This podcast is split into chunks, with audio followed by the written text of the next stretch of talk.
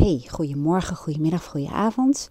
Deze keer weer een podcast over één van mijn favoriete methodieken en dat is Voice Dialogue. En Voice Dialogue gaat uit van um, het feit dat je persoonlijkheid uit verschillende kanten bestaat. En kanten is een manier om het te beschrijven. Um, in de transformatiepsychologie, waar deze methodiek vandaan komt, hebben ze het ook wel over subpersonen of ikken. En soms zelfs ook over energieën. En ik zelf praat het liefst over kanten, maar ik switch ook wel eens naar delen. En dit is dus echt een van mijn favoriete uh, methodieken. Omdat ik gewoon zoveel veranderingen en transformaties heb gezien bij mensen. En het verschil tussen verandering en transformatie is voor mij eigenlijk gewoon de intensiteit. Een transformatie is vaak echt een hele grote sprong. En dat wil niet zeggen een grote sprong in de zin van heel snel, maar wel je echt denkt, jeetje, wat een verandering bij iemand.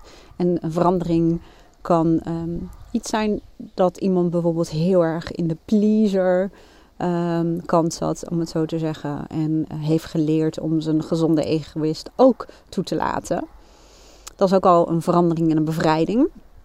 Maar het hoeft niet per definitie echt een hele grote doorbraak te zijn.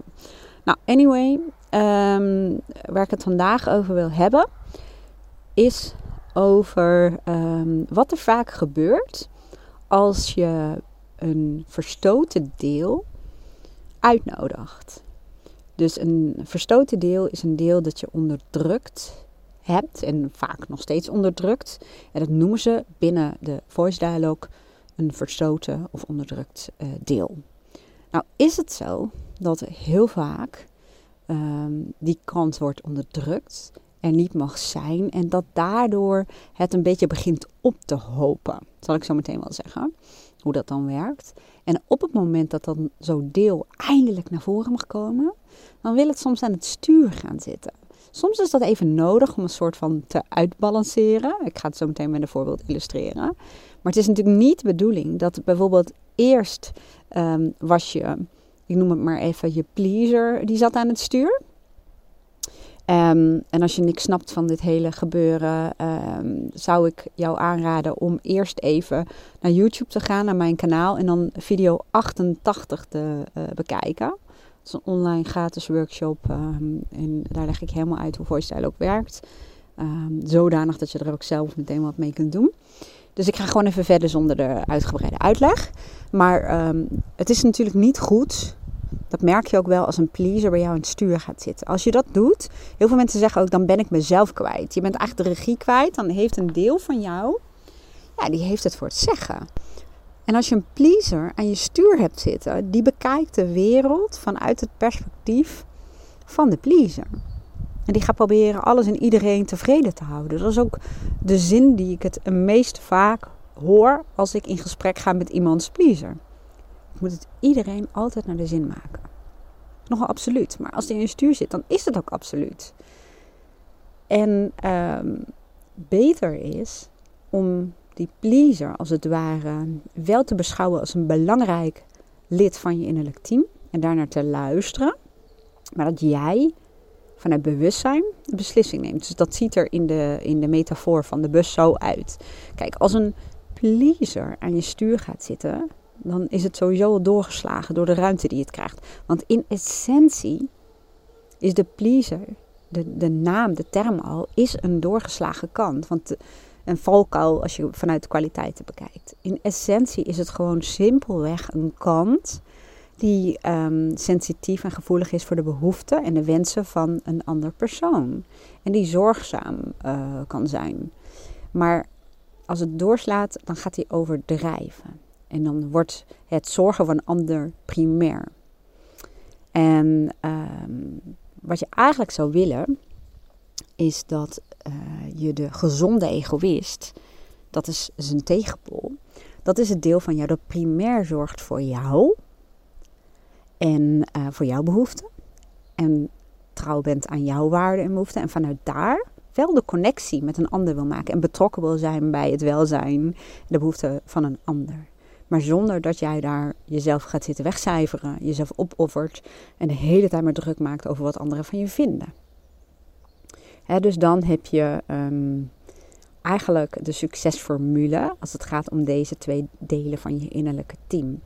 En ehm, dan is het ook de bedoeling dat je bij wijze van spreken en luistert naar ehm, de pleaser, maar dan in zijn essentie. Dus als die niet doorgeslagen is, dus dan is het gewoon die zorgzame betrokken kant. En luistert naar je gezonde egoïst. En op basis van wat je um, daaruit gehaald hebt, neem je een bewuste beslissing hoe je om wil gaan met, met een bepaalde situatie of een bepaalde persoon. Nou, wat je heel vaak ziet, is dat stel dat die pleaser, hè, een primaire kant van iemand, heel vaak eh, ook een deel waarmee iemand zich geïdentificeerd heeft. En als je je identificeert, ik doe even mijn vest uh, uit trouwens, ik zit buiten. Als je geïdentificeerd hebt met een kant, dan, um, dan ben je dat. Dan ben je een pleaser. En vaak zeggen mensen dat ook. Ben een echte pleaser of ben een echte perfectionist. Alleen al door dat te zeggen, zal het brein ook geen enkele energie steken in verandering. Want als je iets bent, is er ook geen verandering mogelijk. Door alleen al het piepkleine um, nuanceverschilletje toe te passen. Door het niet meer te spreken over ik ben. Maar door te zeggen, ja, in sommige situaties heb ik de neiging om te gaan zitten pleasen. Of heb ik de neiging om wat perfectionistisch te zijn. Of om uh, veel te precies te zijn. Of dat ik alles um, uh, zo goed mogelijk wil doen. Maar dan verwijs je eigenlijk meer naar dat het een deel is van jou. Dat af en toe, um, af en toe, af en toe kan ook vaak zijn trouwens, optreedt. Ja, gedrag, maar je bent het niet. Nou, wat je dus vaak ziet als een pleaser continu maar um, aan de stuur gezeten en een primair deel is, dan heb je dus die gezonde egoïst verwaarloosd. En vaak zie je dat hij dan zoveel energie heeft. En daar bedoel ik mee, het is opgehoopt. Al die tijd mocht hij er niet zijn en mocht hij niet zeggen. En op het moment dat hij dan wel naar voren mag komen. Dat kan natuurlijk in een sessie die ik dan faciliteer. Maar dat kan ook doordat je bijvoorbeeld heel moe bent. En dan uh, merk je ook vaak dat de psychische bodyguards um, ja, gewoon niet meer zoveel kracht hebben. Of als je getriggerd wordt hè, door iets of wat zat bent, dan vliegt in één keer die gezonde egoïst naar voren. En die is dan ook gedemoniseerd. Gedem, uh, het is demonisch geworden. Hoe noem je dat? Gedemoniseerd. Moeilijk woord. Maar het is demonisch geworden. En wat ik bedoel met demonisch, hetzelfde als met de pleaser, dan is het doorgeslagen. Als een gezonde egoïst doorslaat, dan wordt het bijvoorbeeld, en dan gebruik ik even een term die ik veel in mijn praktijk hoor, een ik heb scheid aan iedereen kant. Of de fuck you kant. Fuck de hele wereld. Fuck it kant. En ik zeg dat met zo'n lading, omdat het in mijn praktijk ook vaak met zo'n lading uh, naar voren komt. En dan is dat demonisch geworden. Want het heeft de hele tijd achter in die bus moeten zitten, mag niks zeggen. En ondertussen is die wel getuige van het feit dat je je continu maar laat opofferen. Of hoe zeg je dat? Je wegcijfert, laat gebruiken. En um, nu mag het eindelijk naar voren en dan gaat het vaak um, ja, overcompenseren, iets rechtzetten. En er zit lading op. En wat dan vaak gebeurt, en in een sessie uh, begeleid ik dat natuurlijk, dat snap je. Maar um, wat je dan vaak ziet gebeuren, is dat nu het eigenlijk kan, gaat die fuck it all kant, zoals die heel vaak wordt genoemd, of de scheid aan alles kant, die gaat aan het stuur zitten. Maar dat is natuurlijk ook niet wenselijk, want die pleaser is een demonische kant en die is destructief voor jou. Dus dan heb je misschien uh, harmonie in je omgeving.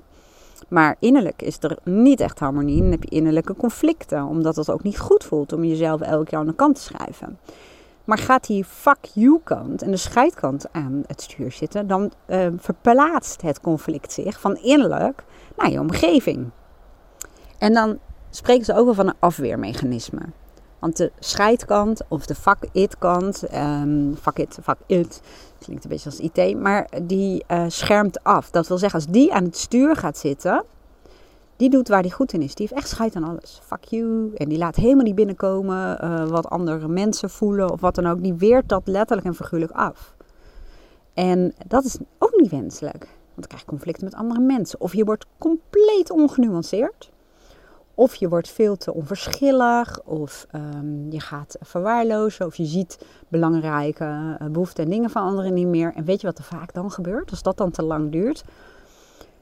Tada, tada, trommelgrof. Dan komt je schuldgevoel naar voren. want dat is ook vaak de dynamiek, dan komt in één keer schuldgevoel. En die gaat aan het stuur zitten. Ja, ik zucht, want het wordt soms een beetje vermoeiend. Maar die gaat dan aan het stuur zitten. Nu, oh, wat heb ik gedaan? Ik moet het recht zitten, recht zetten. Nou, en hoe gaat schuldgevoel dat recht zetten? Hoppa, die zegt, please, kom maar, kom maar. Gaan we samen aan het stuur zitten. Schuldgevoel, houdt please erbij. En dan ga je extra lief doen tegen degene die je misschien daarvoor helemaal hebt uitgecoverd en verwaarloosd. En dan, ja, nou ja, ik hoef het verder denk ik niet te vertellen. Maar in de voice dialogue gaat het dus ook over dat je bewijs van spreken, nee niet bewijs van spreken, gaat het erover dat je in de eerste instantie je bewust wordt, dat noemen ze gewaarzijn, van het feit dat je die verschillende kanten in jezelf hebt. En dat je ook voelt wanneer die zich aandienen. En het tweede, tweede stap is dat je je bewuste ego ontwikkelt, noemen ze dat. Eigenlijk is dat die chauffeur die, die luistert naar die pleaser die aankomt zetten. En die wil zorgen voor iets, hè, harmonie en die wil zorgen voor verbinding. Maar je laat het niet op je schoot zitten. Je haalt het weer van je schoot af, en, maar je luistert er wel naar. Je neemt het wel serieus. Je luistert naar wat die pleaser uh, je wil vertellen. En waar jij voor mag zorgen als bewust ego. Wat zijn zorgen of kwetsbaarheid noemen ze dat in de voice dialogue is. En vervolgens ga je bijvoorbeeld ook de gezonde egoïst uitnodigen. Daar luister je ook naar. En door dat te hebben gedaan, en beginnen altijd met een primair deel, in dit geval was het dan even de pleaser, en, en ga daarna naar een verstoten deel, en dat is de gezonde egoïst. En uiteindelijk is het natuurlijk niet meer uh, demonisch, maar um, dan luister je daar ook naar. En als je daarnaar geluisterd hebt, dan ga je bewust kiezen hoe je hiermee om wil gaan. Dan heb je regie over jezelf en over je kanten, in plaats van dat zij dat over jou hebben. Want wat vaak ook zo is, als op een gegeven moment iemand uh, zijn eigen behoefte heeft verwaarloosd of niet voldoende voor zichzelf is opgekomen, dan ontstaat er vaak boosheid. het is een beetje het verlengde van de fuck you kant en de scheidkant. Maar dan gaat boosheid is natuurlijk wel weer heel wat anders. Hè? En dan gaat het bijvoorbeeld gaat boosheid aan het stuur zitten. Maar um, als demonische delen, überhaupt delen aan je stuur gaan zitten. Als ze aan je stuur gaan zitten, dan zijn ze, hebben ze, zijn ze zo krachtig en dan nemen ze het over. En dan is er eigenlijk altijd sprake van dat het niet functioneel is en heel vaak wel destructief. Dan kun je je voorstellen, als op een gegeven moment een boos deel aan jouw stuur gaat zitten, die heeft vaak ook um, boosheid in het geheugen van eerdere gebeurtenissen en dat komt er allemaal vaak in één keer uit. En um, als die aan je stuur zit, dan handel je vanuit boosheid. En vaak zegt boosheid dingen waar jij als bewustzijn um, achteraf spijt van krijgt. Maar als je dus boosheid laat handelen namens jou, ben je dus de regie kwijt. Ben je jezelf kwijt, zeggen mensen ook wel. Maar vaak zie je dat als een deel lang niet um, mee mocht doen, als hij de ruimte krijgt, dat hij het overneemt. En dan ga je je tijdelijk daarmee identificeren. En soms is dat helemaal niet zo'n groot probleem. Maar het kan wel degelijk um, zorgen voor ontwrichting in jezelf, in je leven en in relaties. Ik zal zo meteen een voorbeeld geven. Dus zaken is het, belangrijk is het om um, bewust te blijven. Bewust te blijven, bewust te blijven. En wel te luisteren naar bijvoorbeeld in dit geval boosheid. En daarvoor te zorgen vanuit bewustzijn. Maar wel zelf de regie houden. Zelf het stuur in handen houden. En laat Geef die woede of de boosheid maar de ruimte. Laat het maar horen wat, uh, wat je moet doen. Maar daarna ga je vanuit bewustzijn uh, een keuze maken hoe je hiermee omgaat. Ze noemen ook, Voice Dialogue heeft als doel dat je keuzevrijheid hebt. Dat je de regie hebt en keuzevrijheid in hoe je omgaat met bepaalde situaties. En um, in het geval van boosheid wil je dus niet dat aan je stuur gaat zitten. En wat we vaak doen is dat we dan bijvoorbeeld een lieve kant erbij halen. En dat is prima, maar dat moet ook niet aan je stuur gaan zitten. Want die gaat dingen goed praten. En dan gaat het hele riedeltje uh, weer opnieuw.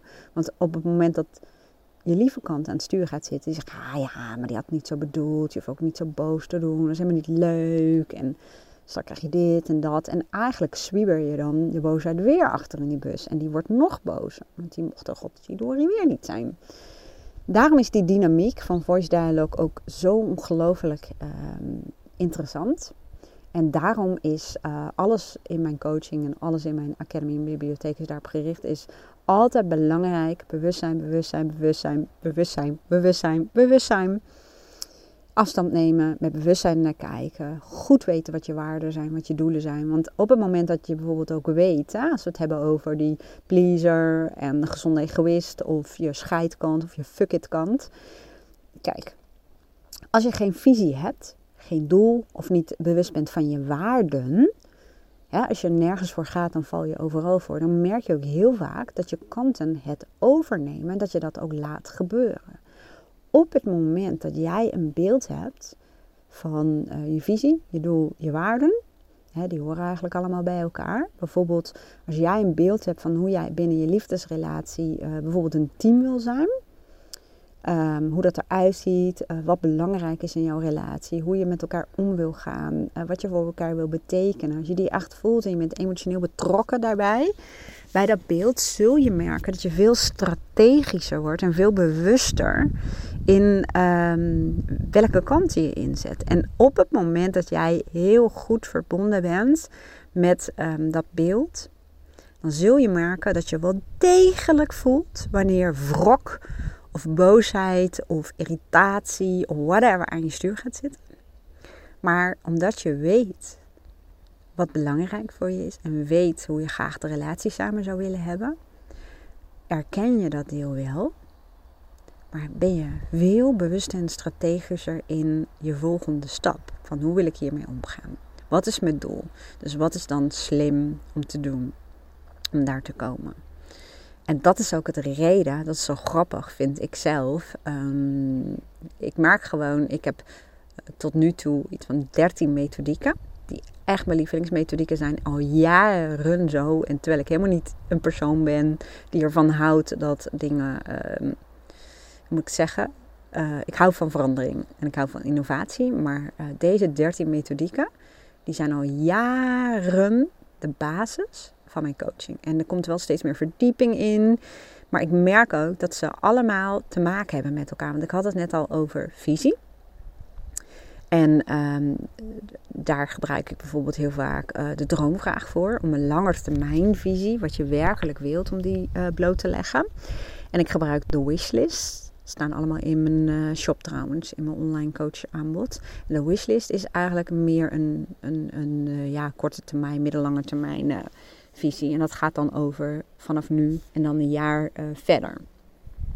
En dat helpt je om die ja, om je kanten bij wijze van spreken bewust en strategischer in te kunnen zetten. Dat helpt je om je focus te houden en om de richting te weten.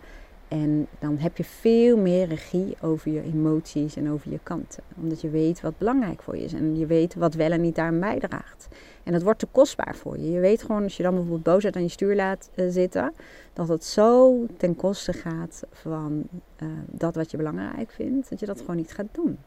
Of dat je daar een andere manier voor zoekt om toch daarmee te werken. Met die boosheid die er is ontstaan. Maar wel op een manier die past bij het beeld dat jij voor ogen hebt. En dan komen we meteen bij waarden, hè, want een, een visie, de, een, um, ja, moet ik zeggen, waarden, sommigen noemen het ook wel principes, liggen altijd in grondslag aan jouw uh, visie. Of dat nou zakelijk of uh, privé is. Waarden vertegenwoordigen je allerbelangrijkste behoeften en drijfveren en waarden. Um, illustreren wat jouw leven betekenisvol uh, maakt. En letterlijk en figuurlijk waarden vol maakt. Dus waarden, dat is ook iets waar ik altijd mee start. Dat is gewoon de basis van mijn coaching. En vanuit daar kun je die visie, of dat nou een korte termijn is, of dat een lange termijn is, of dat je dat allebei uh, wil doen, dat maakt niet uit. En dan vervolgens kom je onder andere uit bij um, voorstijl ook. Hè? Dus ik zeg ook altijd, dat is werken met je persoonlijkheidskant. Want als je een, een visie hebt en bijvoorbeeld doelen hebt en je weet wat je waarden zijn, dan heb je je persoonlijkheid nodig om daar aan bij te dragen. En heel vaak is dat niet per se de perso je persoonlijkheid zoals die op dat moment in elkaar zit. Heel vaak heb je een bepaalde visie. Uh, waarbij je echt andere delen van jezelf nodig hebt om daar te komen. Stel dat ik mijn zaak zou laten leiden door mijn vroegere primaire kanten, dan uh, was ik nu weer in loondienst of had ik er een baan bij moeten zoeken, want dat was niet gelukt. Want dan had mijn pleaser ehm, aan het roer gestaan, mijn uh, perfectionist, mijn pusher, alhoewel mijn pusher nog steeds wel een onderdeel maakt van mijn primaire delen. Maar de perfectionist had ervoor gezorgd. Hè? Perfectie is stagnatie, zeg ik altijd. Er was heel veel niet afgekomen. Ik was aan heel veel niet begonnen. Um, waarschijnlijk was er uh, geen enkele podcast tot leven gewekt. Ik had geen enkele course gemaakt. Um, waarschijnlijk had ik het ook niet aangedurfd om uh, coachsessies uh, te gaan geven. Of misschien inmiddels wel. En mijn pleasen had ervoor gezorgd dat ik waarschijnlijk alles gratis of voor heel weinig deed. Maar daar kan je geen onderneming mee runnen. Dus um, dat was voor mij een moment waarop ik dacht: oké, als ik dus een succesvolle, goedlopende, winstgevende zaak wil hebben, gaat dat niet met dit primaire team gebeuren. Dus welke delen in mezelf uh, zijn nodig om dat wel tot het succes te maken? En dat is ook ontwikkeling, hè? Um, dus uh, mijn gezonde egoïsme, zakelijke kant en vooral mijn autonome kant, wat overigens ook een primair deel is. Maar vooral ook wat onpersoonlijke kanten, om wat zakelijker uh, te kunnen zijn. Hè? Want een bedrijf zonder winst is gewoon geen bedrijf. En ik wil ook een goed leven, dus um, ja, goede winst is daarbij wel heel handig. En um, dat was ook ontwikkeling. Want in het begin was ik zo'n coach die bij wijze van spreken iedereen hielp. En op een gegeven moment is, heeft de ontwikkeling er ook in gezeten dat ik veel autonomer, veel meer ging, ging vanuit. Oké, ik ben niet de coach die iedereen wil helpen. Ik heb een hele duidelijke, ideale doelgroep van mensen waarmee ik heel graag samenwerk. En dit is het profiel. Hier lopen ze mee. En dit is waarmee ik wil werken. En ik wil alleen maar werken met dat soort mensen. Ik wil gewoon na de sessie net zoveel energie uit de sessie halen als mijn cliënt. Klinkt een beetje gek, maar dat kan. Waarom zou je het niet willen? Dat gaat ook over ontwikkeling. Eerder werkte ik wat harder en had ik um, zo'n gevoel vaak dat sessies mijn, e mij energie kosten. En dat heb ik al lang niet meer, omdat ik echt duidelijk heb gemaakt voor mezelf: met deze mensen werk ik. Punt. Klaar. En dat is ook ontwikkeling. En daarvoor heb je natuurlijk andere delen in jezelf nodig. Voorheen was dan toch mijn pleaser die een beetje op de achtergrond uh, zat. Die zei, ja, je kunt toch niet de mensen afwijzen? En vind het niet een beetje arrogant om te zeggen dat je um, alleen maar daarmee samenwerkt. Um, maar dat is ontwikkeling. Dus je denkt, oké, welke delen heb ik nodig om mijn bedrijf steeds meer af te stemmen op wie ik werkelijk ben. En dat is ook zelfkennis, van wie ben je nou werkelijk? En met welke delen zorg je voor die visie die je hebt. He, want bij mij begint het altijd met een visie. Eerst met mijn waarden, ook een stukje evaluatie van waarden. Want het is niet zo van je stelt ze één keer vast en punt, het is klaar. En in mijn beleving is het onderzoeken van je waarden ook zeker niet maak een lijstje van je waarden, zoek op internet, doe een test. Nee, sorry, maar dat werkt niet. Waarden um, zijn niet uh, woorden in een lijstje. Waarden uh, vormen je intrinsieke motivatie. Waarden vormen je innerlijk kompas. Het zorgt dat het een keuzesysteem um, is. Ze zeggen ook wie zich niet bewust is van zijn waarden kiest onbewust. En dat is ook super waar. En daarna begint het bij mij met een visie. Ik heb dus elke keer opnieuw een visie neergezet. Een lange termijn visie. En vaak blijft die wel ongeveer hetzelfde. Maar ook een, een, een, een korte termijn, een middellange termijn visie die ik daaruit haalde. En daarin kwam steeds meer naar voren met wat voor mensen ik het liefst samen wilde werken. En door dat te doen, ga je ook steeds meer bij jezelf na van oké, maar nu loop ik tegen um, iets aan bij mezelf ik noem het even een plafond, kom niet verder. Um, treedt innerlijke conflicten op of mijn groei uh, stagneert. En dan is het altijd zaak om naast die visie, maar ook te gaan kijken: oké, maar welke andere kanten van mezelf, of kanten die er al waren, maar die misschien wat intensiever mag inzetten, heb ik nodig om die volgende groeistap te maken. En heel vaak gaat dat ook over dat je uh, tot de conclusie komt dat je het niet alleen maar redt met je eigen innerlijke team. Dat groei bijvoorbeeld ook gepaard gaat met um, ja, je realiseren, bewustwording van dat je andere mensen nodig hebt. Dat als je wil groeien, dat je ook um, moet erkennen en, en investeren in andere mensen die het gewoon veel beter weten dan jij op bepaalde gebieden. En die je nodig hebt hè, voor, voor ja, voor, voor je groei. En een bepaalde win-win in sommige situaties. Als dat dan betekent dat je bijvoorbeeld gaat samenwerken. Dus dat is ook de reden waarom ik zelf ook naar business coaches en coaches ga en online programma's uh, doe. En um, rolmodellen zoek. Omdat je naast je innerlijk team heb je ook andere mensen nodig. En het grappige is namelijk ook als je gaat samenwerken. En ik bedoel samenwerken niet alleen in de zin van letterlijk en figuurlijk samenwerken aan hetzelfde doel. Maar ook samenwerken met bijvoorbeeld een coach of een business coach die jou begeleidt. Ehm, ga je ook merken dat jouw innerlijke delen weer leren van de innerlijke delen van iemand anders. Bijvoorbeeld mijn zakelijke kant leert heel veel van mijn vriend Aaron. Ehm, die is nu financieel directeur, maar van origine is die accountant. En hij adviseert ook heel veel uh, mensen en ja, ondernemers dan uh, als het gaat om uh, hun bedrijven. En die heeft een compleet andere kijk op, op, op zaken dan ik. En die heeft heel veel verstand van, van cijfers en van um, ja, toch wat meer het zakelijke stuk. En daardoor leert mijn innerlijke zakelijke deel van hem. En um, dat geldt ook voor andere mentoren van mij. Dat, dat, dat, ik weet een klant, die uh, vind ik persoonlijk heel erg slim en heel creatief, out of the box, heel autonoom. Um, daar heb ik echt diepe bewondering voor. En daar leer ik ook van. En hij heeft het bijvoorbeeld ook gehad over dat, um, nou, dat mijn verdienmodellen heel erg traditioneel zijn. Uh, en op zich is daar niks mis mee, tenzij het um, je waarde in de weg staat. Want het traditionele coach verdienmodel is het uurtje factuurtje. Hè? Of het masterminden, dan schaal je op, maar dan heb je nog steeds je tijd uh, wat je in rekening uh, brengt. En als je een workshop geeft, idem dito. En een ander verdienmodel is dan mijn Academy Online Bibliotheek. Hè? Dat, uh, dat is een heel ander verdienmodel. Maar hij is bijvoorbeeld daar weer heel erg goed in. Dus dat, dat, dat, dat dan is op dat moment, ook al is het dan in een sessie, dan komt ook een deel van mij naar voren wat geïntrigeerd raakt door hetgeen wat diegene zegt. En dan leert dat deel van mij daar ook over. Dus zo fantastisch um, werkt voice dialogue voor, je, voor jezelf en in samenwerking met andere mensen.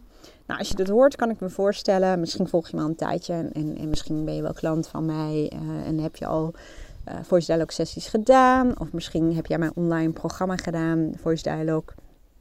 Misschien heb je wel boeken erover gelezen. Of misschien heb je er nog nooit wat mee gedaan. Heel veel mensen zeggen, ja, wat is nou een goede eerste stap? Nou, dan kom ik eigenlijk meteen al, ja, die, die is niet zo makkelijk te definiëren. Ik kan wel wat suggesties geven. Kijk, er is bijvoorbeeld een, um, ik noem het een basisboek. Um, wat heel begrijpelijk en eenvoudig uitgelegd heeft hoe dat nou werkt met al die verschillende kanten in jezelf. Dat boek heet Ik en mijn ikke. En dan staat er, ik ken mijn ikke, waarbij de K tussen haakjes staat. Ik zet er wel even een lijstje hieronder.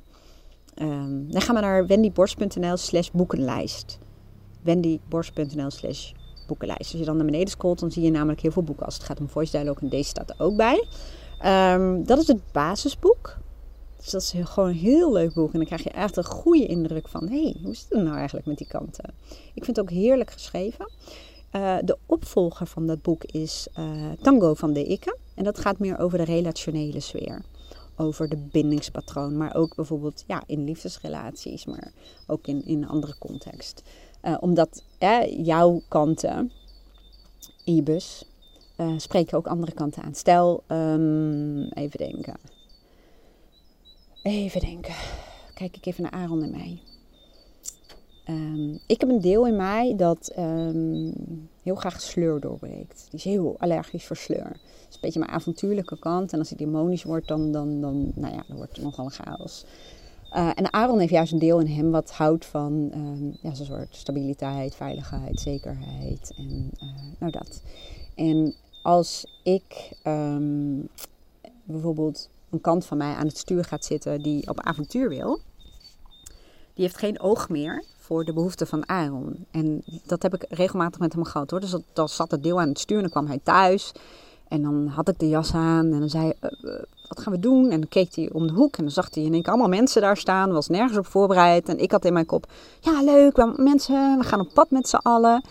En dat deel van hem wat uh, primair is, die had echt zoiets, oh my god, error. Die had in zijn hoofd, ik kom even lekker thuis naar een eh, lange werkdag, eventjes voor mezelf. En ik had hem nergens voorbereid, want het kon ook niet, want ik had daar geen oog voor. Omdat die avontuurlijke kant, die was aan mijn stuur gaan zitten. Nou, en dat is een negatief bindingspatroon. Daarin um, zit je in elkaars allergie. Hè? Want zei ik, ah joh, het is toch leuk en spontaan. En hij keek aan, dat vond hij me wel gaan schieten. Uh, wat hij niet deed in gezelschap, maar toch. Um, en je kunt ook een positief bindingspatroon hebben, om het zo te zeggen. eigenlijk moet ik zeggen functioneel. En dat is als die avontuurlijke kant van mij, uh, die, die, ja, die had leuk zin in om, een beetje uh, ja, wat avontuur uh, in het dagelijks leven te brengen. Ik doe weer even wat uit. Maar um, als, ik, als dat deel zich aandient, maar ik blijf aan mijn stuur zitten, ja, bewustzijn, dan hoor ik dat. En ondertussen weet ik ook van, als ik dat met Aaron wil doen, dan heb ik ook zijn kanten te respecteren. En hoe dat er dan uitziet, nou dan bel ik hem even. Zeg ik, hey, ik heb een idee. Ik zou het leuk vinden om dit en dat. En dan is het bijna altijd dat hij zegt, ja, vind ik ook leuk. En fijn dat je me even belt, dan kan ik me erop voorbereiden. En dan is het een compleet ander verhaal. En dan merk je dat je juist met jouw persoonlijkheid de persoonlijkheid van de ander kunt versterken. Dan ben je een soort van winning team. En, uh, maar het zit hem er wel in of je dat doet vanuit bewustzijn of dat je dat doet vanuit een bepaald deel. Want in het begin van onze relatie uh, moest ik gewoon echt een modus vinden, en Aaron ook. Ik kwam echt uit de, de chaos in de zin van dat avontuurlijke vrijheid kant, die, uh, nou ja, die ging nog wel eens aan mijn stuur zitten. Dat was voor mij ook niet goed en voor Lisa, mijn dochter, ook niet. Maar dat wist ik toen nog niet hoe ik dat moest doen.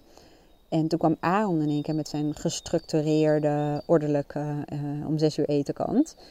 En ik ging in het verzet. En ik ging niet in het verzet. Niet mijn bewuste ego. Hè? Die chauffeur ging niet in het verzet. Nee, nee, nee, nee. Um, die vrijheids- en avontuurlijke kant, uh, die ging heel rebels. In verzet tegen zijn gestructureerde kant. Van, oh, van en dat kost vrijheid en dat ga ik echt niet doen. En dus daar moesten we even modus in zien te vinden. Nou, eigenlijk meer dan, dan Aaron, want ik zat in het verzet en ik zat in de rebellie, zullen we maar zeggen. Um, en toen we dat hebben gedaan, kwamen Lisa en ik heel erg tot de conclusie dat het voor ons, en uh, ik zeg voor mij, want Lisa, dat het goed voor Lisa was, is een gevolg van de beslissingen die ik nam natuurlijk. Um, dat zij op een gegeven moment een zinnetje zei: Mam, we lijken wel een gezin. En dat ik zei: Wat dan? Ja, nou, we zitten uh, gewoon lekker op tijd eten. En we hebben de hele avond nog. En voor haar was dat heel goed. Gewoon meer rust. En uh, voor mij bleek het ook heel goed te zijn. Voor mij blijkt het heel goed te werken om vanuit een bepaalde structuur en basis en stabiliteit juist die spontane avontuurlijke vrijheidskanten de ruimte te geven. Maar dat je altijd een basis hebt om op terug te vallen. Want anders dan kan ik nogal in het over prikkelde terechtkomen. En dat is niet goed. Er was gewoon totaal geen uh, balans. Dus zo is het mooi hoe je voice dialogue dus niet alleen maar gebruikt voor jezelf, maar ook in relaties. En dan hebben we het nog niet eens gehad over werkrelatie, want daar geldt natuurlijk precies hetzelfde. Maar goed, ik zei je van hoe kun je nou beginnen? Nou, dat boek zou ik zeker aanraden om op een leuke speelse manier een beeld te krijgen. Dan is uh, naast uh, Tango van de Ik, die hoef je niet per se te lezen, maar wel als je meer wilt snappen hoe dat zit met relationeel, zeg maar. En dan is thuiskomen in jezelf, die staat ook op het lijstje. Dat is echt een um, boek wat um, zorgt voor diepgang. Dat is ook niet een makkelijk boek om te lezen. Het is echt een boek waar je echt moet leren begrijpen. Um, ik heb het dus ook meerdere keren gelezen. Voor mij is dat echt een soort handboek, een naslagwerk. Um, het stikt van de ezels horen inmiddels. En dat gaat ook in op instinctieve, uh, demonische delen, um, archetypen. Um, dat zal ook niet iedereen heel leuk vinden om te lezen hoor, maar naar dat. Wat ik absoluut aan kan raden is de innerlijke criticus ontmaskerd. Want de innerlijke criticus is echt een zwaar gewicht in uh, onze persoonlijkheid. Um, en ja, dat is de kant die uh, in de gaten houdt of jij wel uh, je gedraagt conform normen. En die zorgt ervoor dat jij um, beschermd wordt, zoveel mogelijk beschermd wordt tegen kritiek van de buitenwereld. Door jou de hele tijd kritiek te geven. Innerlijke criticus is zo'n zwaargewicht dat er ook apart een boek over geschreven is. Dus de innerlijke criticus ontmaskerd. En ja, die staat ook op mijn boekenlijst. Ehm, en ook al ben je geen coach, dan is speels coachen, staat ook weer op die boekenlijst, wel een hele leuk om te lezen. Om dit hele voice dialogue gebeuren goed te leren kennen. Maar goed, dit is een manier als je van lezen houdt. En tegenwoordig zijn er ook luisterboeken. Ik en ik is bijvoorbeeld een luisterboek van. Van de rest uh, weet ik het eigenlijk niet. Um, maar dit zijn manieren om hiermee uh, te, ja, om hier wat meer over te leren als je houdt van lezen. Ik heb ook een gratis workshop staan uh, voor je, twee. Um, die vind je op YouTube. En dat is nummer 88. Als je naar mijn YouTube kanaal gaat en nummer 88, dan zie je een gratis online workshop. En er is er nog een, ik weet alleen het nummertje niet helemaal. Um, 108 of zo denk ik, ik weet het niet zeker. Maar eh, dan zie je ook wel dat het een, een gratis um, ja, cursus of online workshop, ik weet niet hoe ik het heb genoemd. Ik weet in ieder geval, ik zie groen, dat het een groen plaatje heeft. Dus um, nou, als je hem niet kunt vinden, ik zou zeggen die ene, die is wel um, gemaakt uh, toen ik een groep vrouwen ging begeleiden. Maar als man kun je daar ook heel veel uithalen. Maar als je zegt, nee, ik wil die andere, dan, um, ja, als je me niet kunt vinden, dan app of mail me even. Dan, dan zoek ik hem even op. Uh, dus gewoon, ik kan hem natuurlijk ook van tevoren even opzoeken. Het moet een beetje praktisch zijn natuurlijk. Dat zegt mijn praktische kant. Die zegt, dit is gewoon niet handig. Want je houdt niet van mailen en appen de hele tijd om dingen die je ook anders kan organiseren. Mijn praktische kant zegt, jij hoeft niet te mailen of te appen. Ik zet gewoon hieronder allebei de linkjes. Dan moet ik heel eventjes investeren, maar wel zo slim. Um, nou dat, zo werkt dus Voice Dialogue in de praktijk. Nou, dat is dus optie 2, dat je die cursus gaat kijken. Ik weet niet hoe lang die duurt, iets meer dan een uur geloof ik. Um, je kunt hem ook luisteren, je hoeft niet per se naar te kijken. Is lekker als je aan het wandelen bent of uh, de, de strijk aan het doen bent of whatever. Um, wat is nog meer een optie? Ja, dan zou ik zeker een van mijn beste programma's vind ik zelf. En beste is meer de definitie van wat is het meest transformerend. Nou, waarde en voice dialogue. Um, en dat is een compleet programma waarin je je eigen persoonlijkheid gaat leren kennen. Waarbij je innerlijke criticus gaat leren kennen. Maar waarbij je ook je innerlijke criticus als het ware nieuwe normen meegeeft. Dus als het ware gaat heropvoeden zodat het je partner wordt. En niet iemand die je continu met de zweep uh, erop loslaat, zullen we maar zeggen. En uh, vernietigende kritiek heeft waardoor je in de faalangst komt. Of het maar niet eens meer probeert. Of uh, ja, gestrest wordt of onzeker of whatever. Um, je leert ook, deze module komt binnenkort vrij, daar ben ik nu mee bezig om met je schaduwkant, je verstoten delen te werken. Dat zit er al in hoor. Maar er komt een module in waarin je ook gaat kijken naar je instinctieve, echt demonische kanten. En er zit een onderdeel in waarin ik je leer om in je dagelijkse privé- en werkleven en relationele sfeer te werken met die kanten. Zoals ik dat al voordeed, eh, hoe ik dat bijvoorbeeld met Aaron doe. Of hoe ik dat doe in mijn, eh, in mijn zaak. Dus dat leer ik je ook. En dat is echt, een, ja, het is leuk. Het zitten heel veel leuke onderdelen in die gewoon simpelweg leuk en plezierig zijn om te doen. En ja, er zitten ook dingen in die heel confronterend zijn als ik uh, de gebruikers mag geloven. En ik heb het uiteraard zelf ook helemaal doorlopen. Dus dat is een optie. Wat een andere optie is, dat je een voice dialogue sessie laat faciliteren. Er zijn namelijk binnen de Voice Dialogue um, mensen die opgeleid zijn. Dat zijn psychologen, therapeuten en coaches vaak. En soms ook wel andere mensen. Maar die zijn opgeleid tot um, Voice Dialogue facilitator. Die kunnen dat doen. Ik ben daar één van. Alleen er zijn er nog heel veel meer. Dus um, zoek even bijvoorbeeld Voice Dialogue Facilitator. of Voice Dialogue Sessie. En daarin zeg ik ook, je kunt het bij mij doen als jij een klik met mij voelt. Want dat is echt voorwaardelijk. Voel je die niet, dan, ja, dan, dan is de slagingskans niet heel. En um, ja, dan moeten we dat ook gewoon niet doen. En soms is het ook gewoon zo, dat, dat weet ik bij mezelf en um, daar heb ik het met klanten ook wel eens over. Soms heb je een bepaald vraagstuk waarbij je gewoon zelf voelt, ik zou dit liefst bijvoorbeeld door een man laten faciliteren. Dat kan. En in heel veel gevallen um, ja, klopt het ook. En werkt dat dan ook het beste? In sommige gevallen kan het zijn dat je juist daarmee iets uit de weg gaat. Dat kan ook, maar dat maakt niet uit. Soms moet je gewoon ervaren. Dus als je op zoek gaat naar iemand die voice dialogue uh, met jou kan uh, gaan doen. allerbelangrijkste is echt waar dat je een goed gevoel bij diegene hebt. Dat, dat, ja, dat is gewoon zo. Dus ehm, dat is een andere optie. En heb ik dan alle opties wel gehad? Ehm, ja, nou, tot slot uh, misschien wel even leuk om te vertellen. Ehm, op het moment dat ik uh, voice dialogue gebruik in mijn eigen werk, uh, relatie of privéleven, in alle rollen die ik vervul, dan neem ik dat heel vaak op.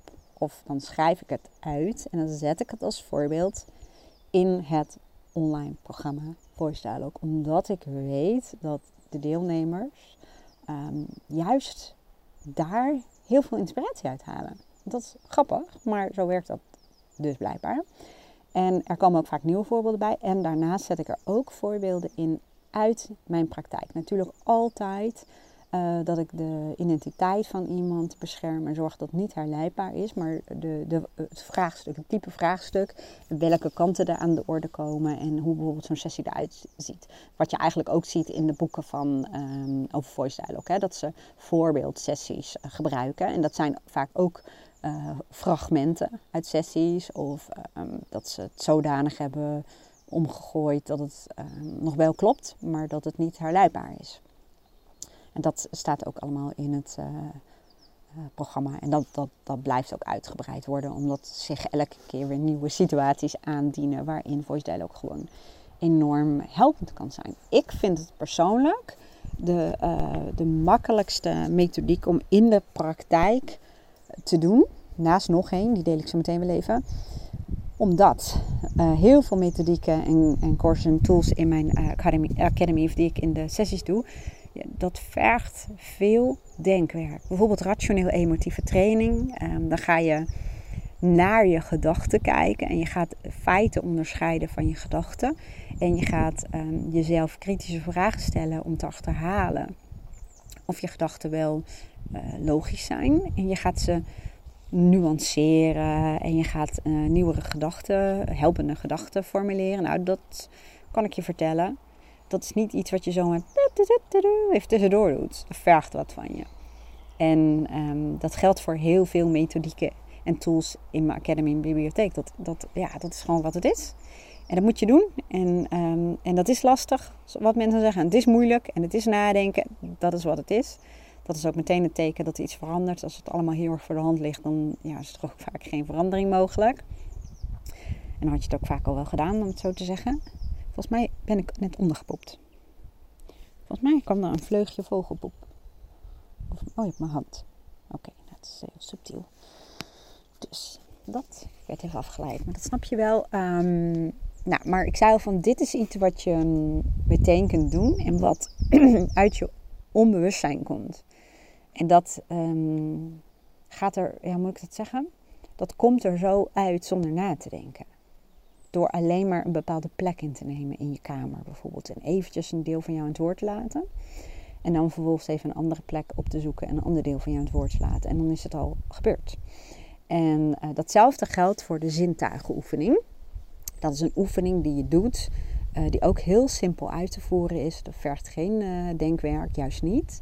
En dan zet je jezelf even uit je hoofd in het moment. Krijg je rust in je hoofd mensen, eh, ik ook als ik dat doe, denk ik, oh ja, ik zat zo in mijn hoofd en de wereld om me heen, die, die, die draait eigenlijk gewoon door. En ach, ik had dat hele vogeltje helemaal niet gezien. En ik hoorde helemaal niet dat die vogeltjes aan het fluiten waren, want ik was zo in mijn hoofd. Die zit trouwens ook in mijn shop, mocht je die uh, leuk vinden.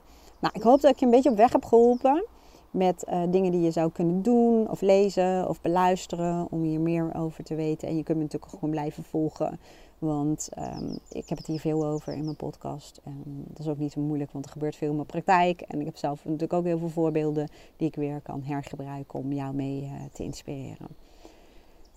En als laatste wil ik nog even zeggen, wat me te binnen schoot, wat ook grappig is. Sommige mensen gaan solliciteren. En dan doe ik bijvoorbeeld een korte sessie met iemand om te kijken welk deel is nu het meest dominant en zorgt ervoor dat iemand bijvoorbeeld zenuwachtig wordt of het gevoel heeft dat hij zichzelf moet verkopen.